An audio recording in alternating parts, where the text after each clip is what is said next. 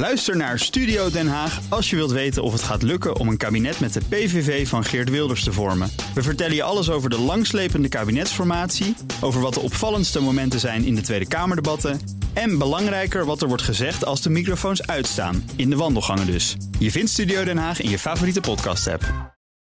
December 2020. We hopen dat u alle cadeautjes heeft uitgepakt. En anders zijn er nog twee voor u, namelijk Bas van Werven en Iwan Vrips. Goedemorgen. Goedemorgen, Bas. Het, uh, ja, we gaan 20 minuten nieuws van dit moment aan je brengen. Inzichten in de dag die komt. We gaan kijken naar wat er uh, allemaal op het Binnenhof staat te gebeuren... wat er in Nederland gebeurt en in de rest van de wereld. Zodat je een vliegende start hebt van je werkdag.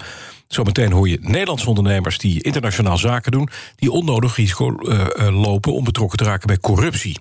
Maar dat zometeen. Eerst gaan we eens even kijken naar Amerika. Want begin volgende maand moeten de kiezers in de Amerikaanse staat Georgia nog eenmaal naar de stembus om te kiezen voor een nieuwe senator voor hun staat. En dat is cruciaal, want als de Republikeinen die verkiezing winnen, heeft de partij van Biden een groot probleem. Ze heeft dan de facto geen meerderheid in de Senaat en zo wordt regeren knap lastig. Tijdens de verkiezingen in november is er volgens het kamp Trump grootscheepse fraude gepleegd en heeft hij die staat eigenlijk gewonnen en niet Biden.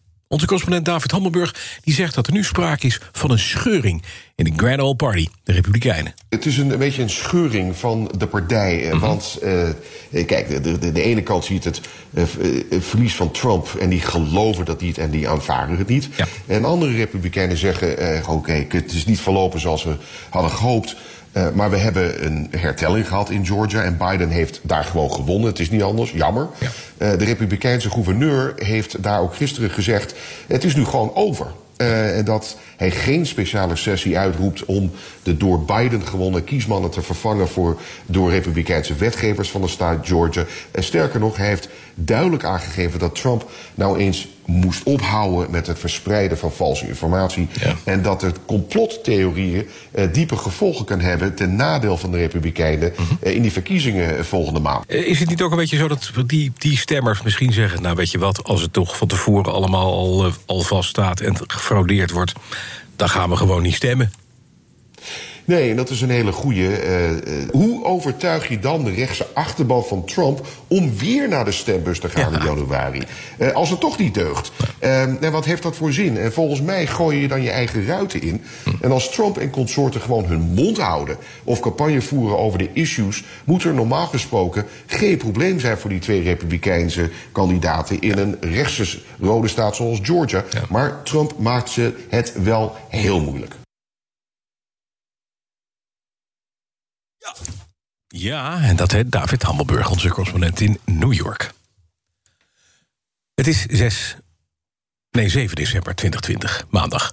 Nederlandse ondernemers die internationaal zaken doen... lopen onnodig risico om betrokken te raken bij corruptie... stelt de International Chamber of Commerce tegenover BNR.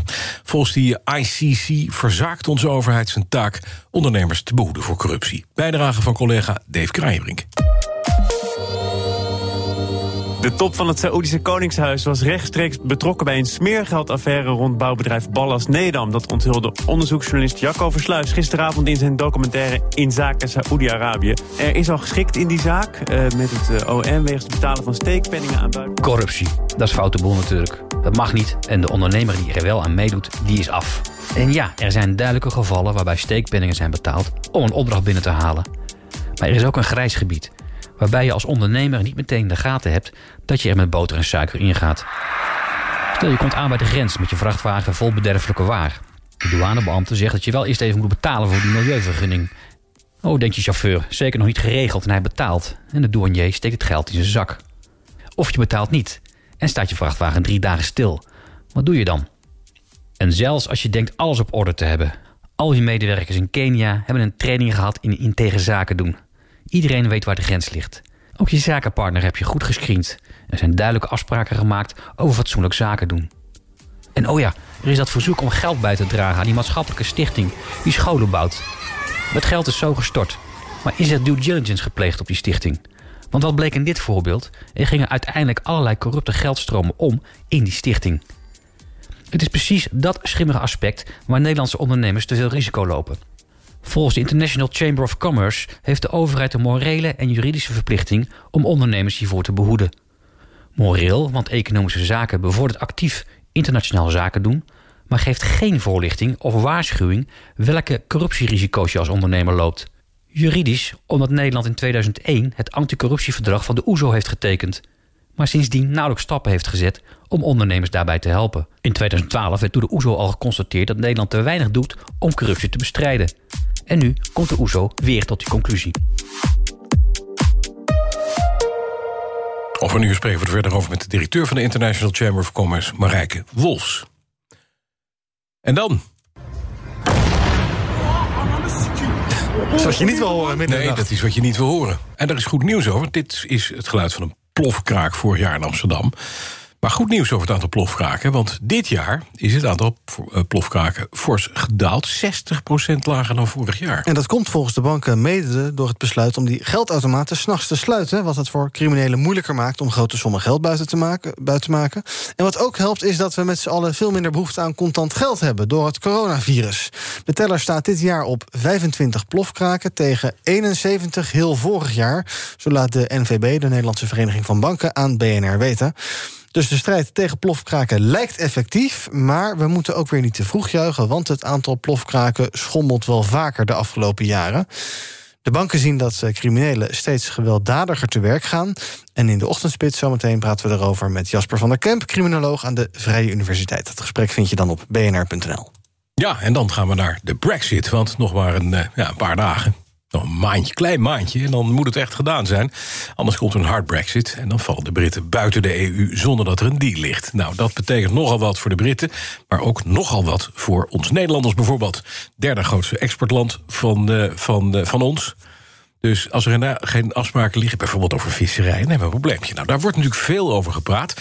En zo meldt de Engelse kant The Guardian, er is een doorbraak in de Brexit-onderhandelingen. Met name over dat ene pijnpunt, die visserij. En dan gaat het uiteraard om Europese schepen die vissen in Britse wateren.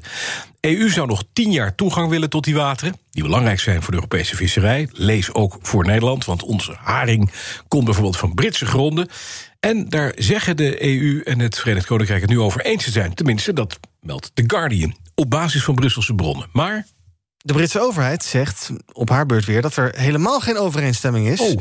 Ja, het is een, inderdaad een verhaal op basis van anonieme bronnen. Dus ja, mhm. als meerdere media, de BBC schrijft er ook over, als die dat brengen, dan moet je dat toch even melden. Uh, de Britten zeggen dat ze uh, tien jaar wel heel erg lang vinden.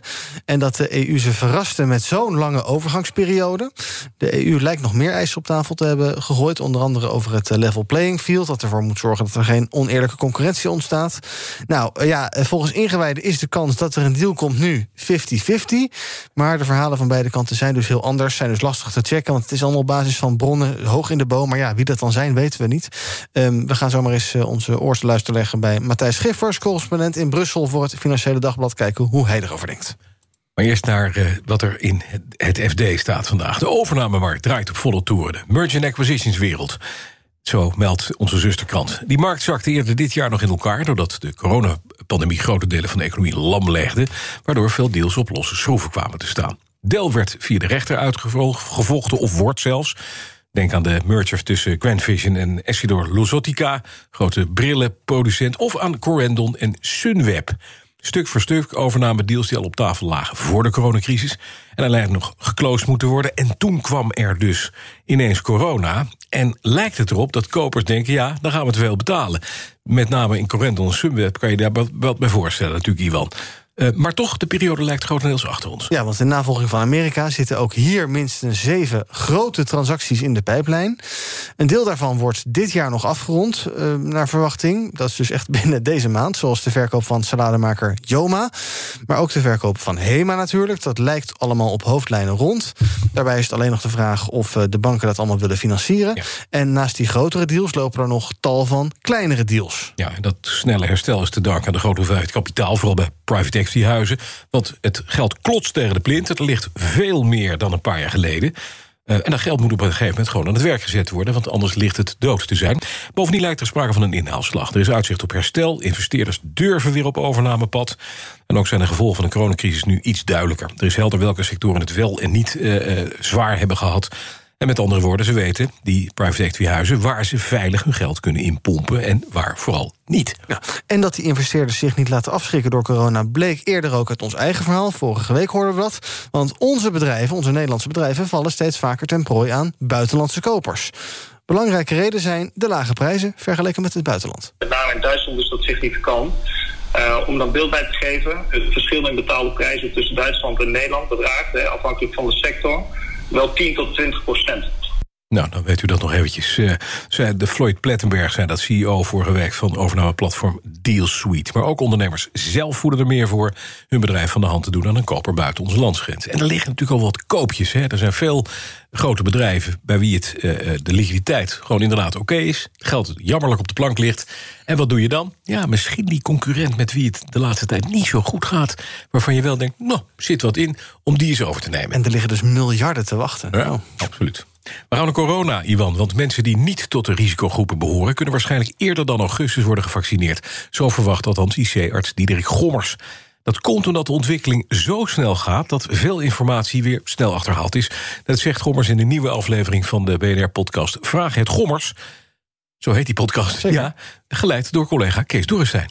Ik hoop ook in dit geval uh, dat we het nog beter kunnen organiseren. En dat we sneller, als het vaccin voldoende beschikbaar is, dat we iedereen dan ook het vaccin kunnen geven die, die het wil hebben. Maar als we het dus uh, gewoon op tijd geleverd krijgen, dan verwacht u ook wel weer dat, dat we de vaccins eerder kunnen toedienen? Ja, omdat eigenlijk het, het geven van zo'n prik in je spieren... dat kunnen wel heel veel mensen bij helpen. Hè. We zouden ook zelfs medische studenten kunnen inzetten.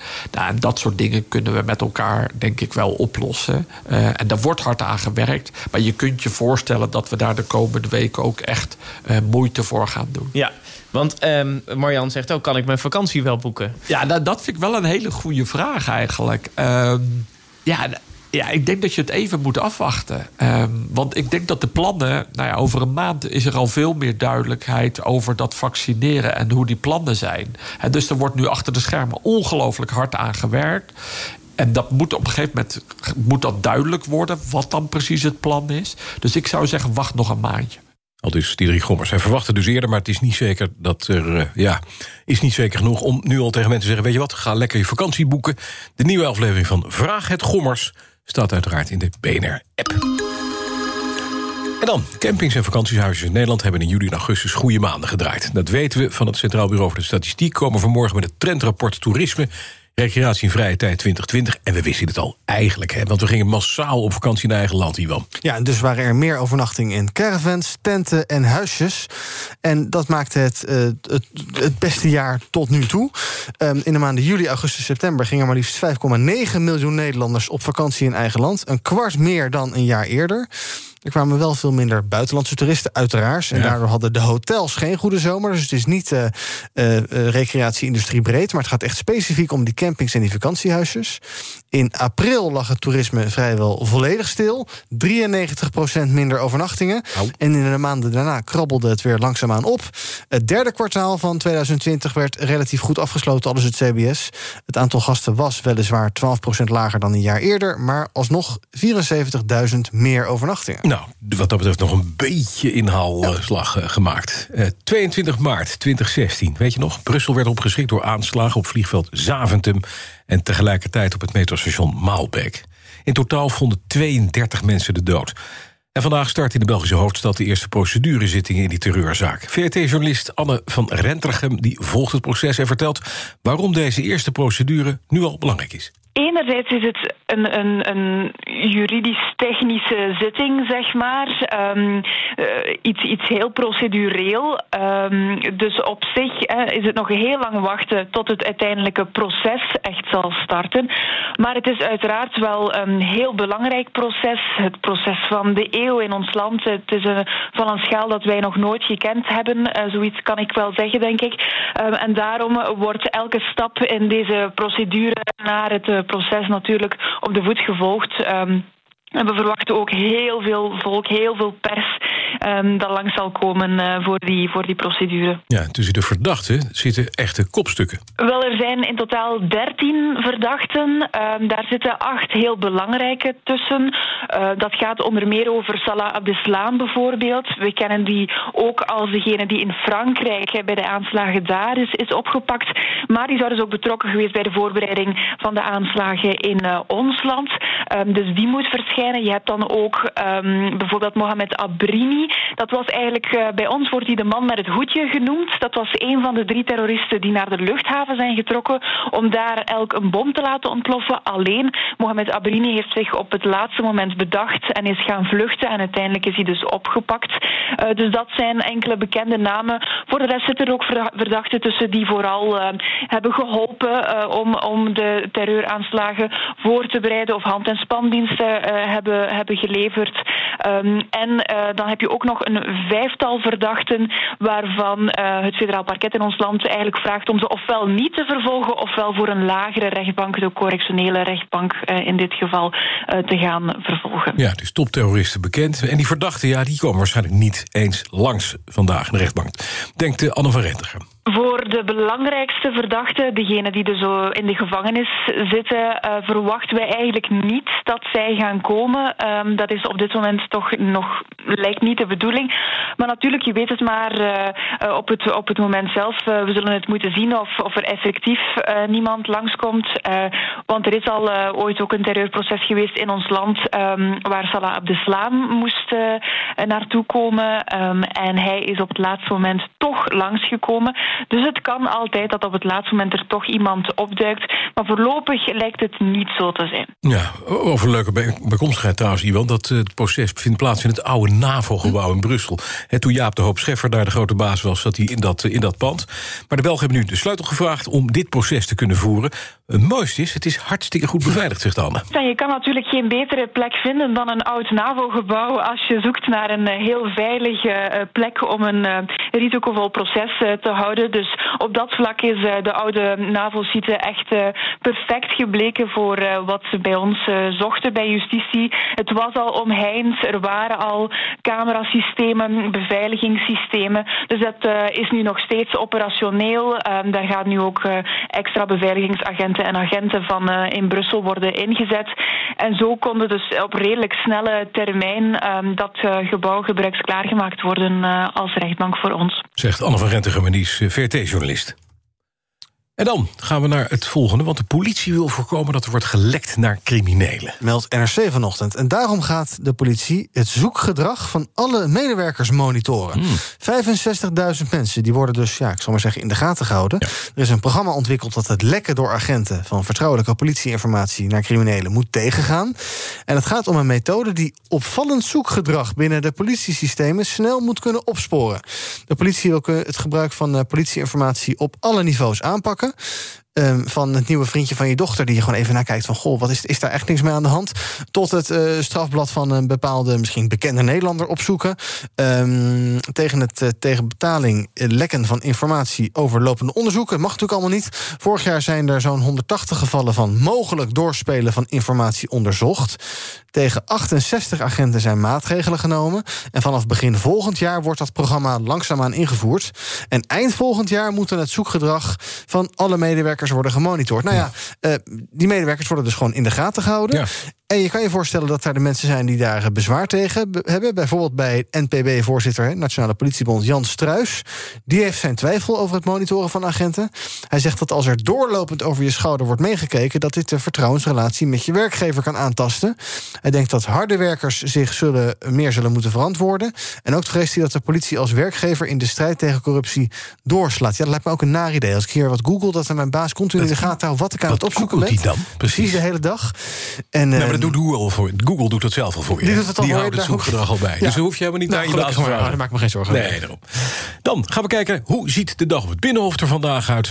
Politiek verslaggever Sophie van Leeuwen met uh, onze Haagse Minuut. Goedemorgen. Mutsen op tegen de kou en benen op tafel. Het katshuisoverleg brengt ons weinig opbeurend nieuws. Er komen namelijk geen versoepelingen aan voor de kerst.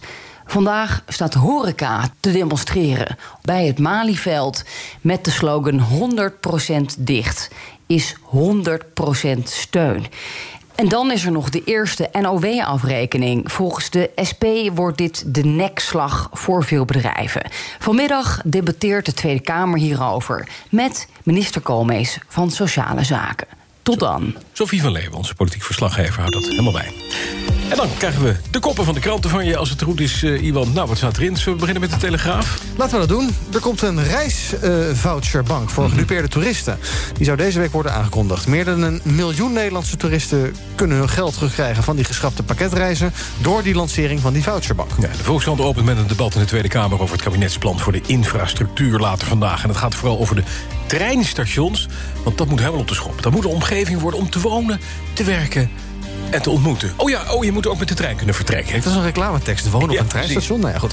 Uh, NRC heeft dus dat verhaal over de politie... en dat lekken van die uh, informatie. Mm -hmm. Trouw heeft een verhaal over musea en universiteiten... die zich samen gaan buigen over koloniale collecties, kopt die krant. De komende vier jaar gaan wetenschappers verschillende museumcollecties inventariseren... om de herkomst van koloniale objecten te onderzoeken. En het AD, arbeidsongeschikt geraakte zelfstandigen... zitten door de verhoging van de AOW-leeftijd lang zonder inkomen. En dus pleiten SP en CDA nu dan voor een standaardvergoeding... om die periode te overbruggen. FT heeft een verhaal over de brexit. Um, wat we net ook al een beetje hoorden. In het Engels is het eigenlijk het mooist. Trade talks poised on knife edge as Brexit brinkmanships persist. Oftewel, ja, de onderhandelingen worden nog steeds op het scherpst van de snede gevoerd. Iedereen probeert nog steeds het onderste uit de kant te halen. En ze zijn er nog niet. En dan Bloomberg Airbnb mikt op een hogere waardering bij de beursgang. Zo meldt Bloomberg.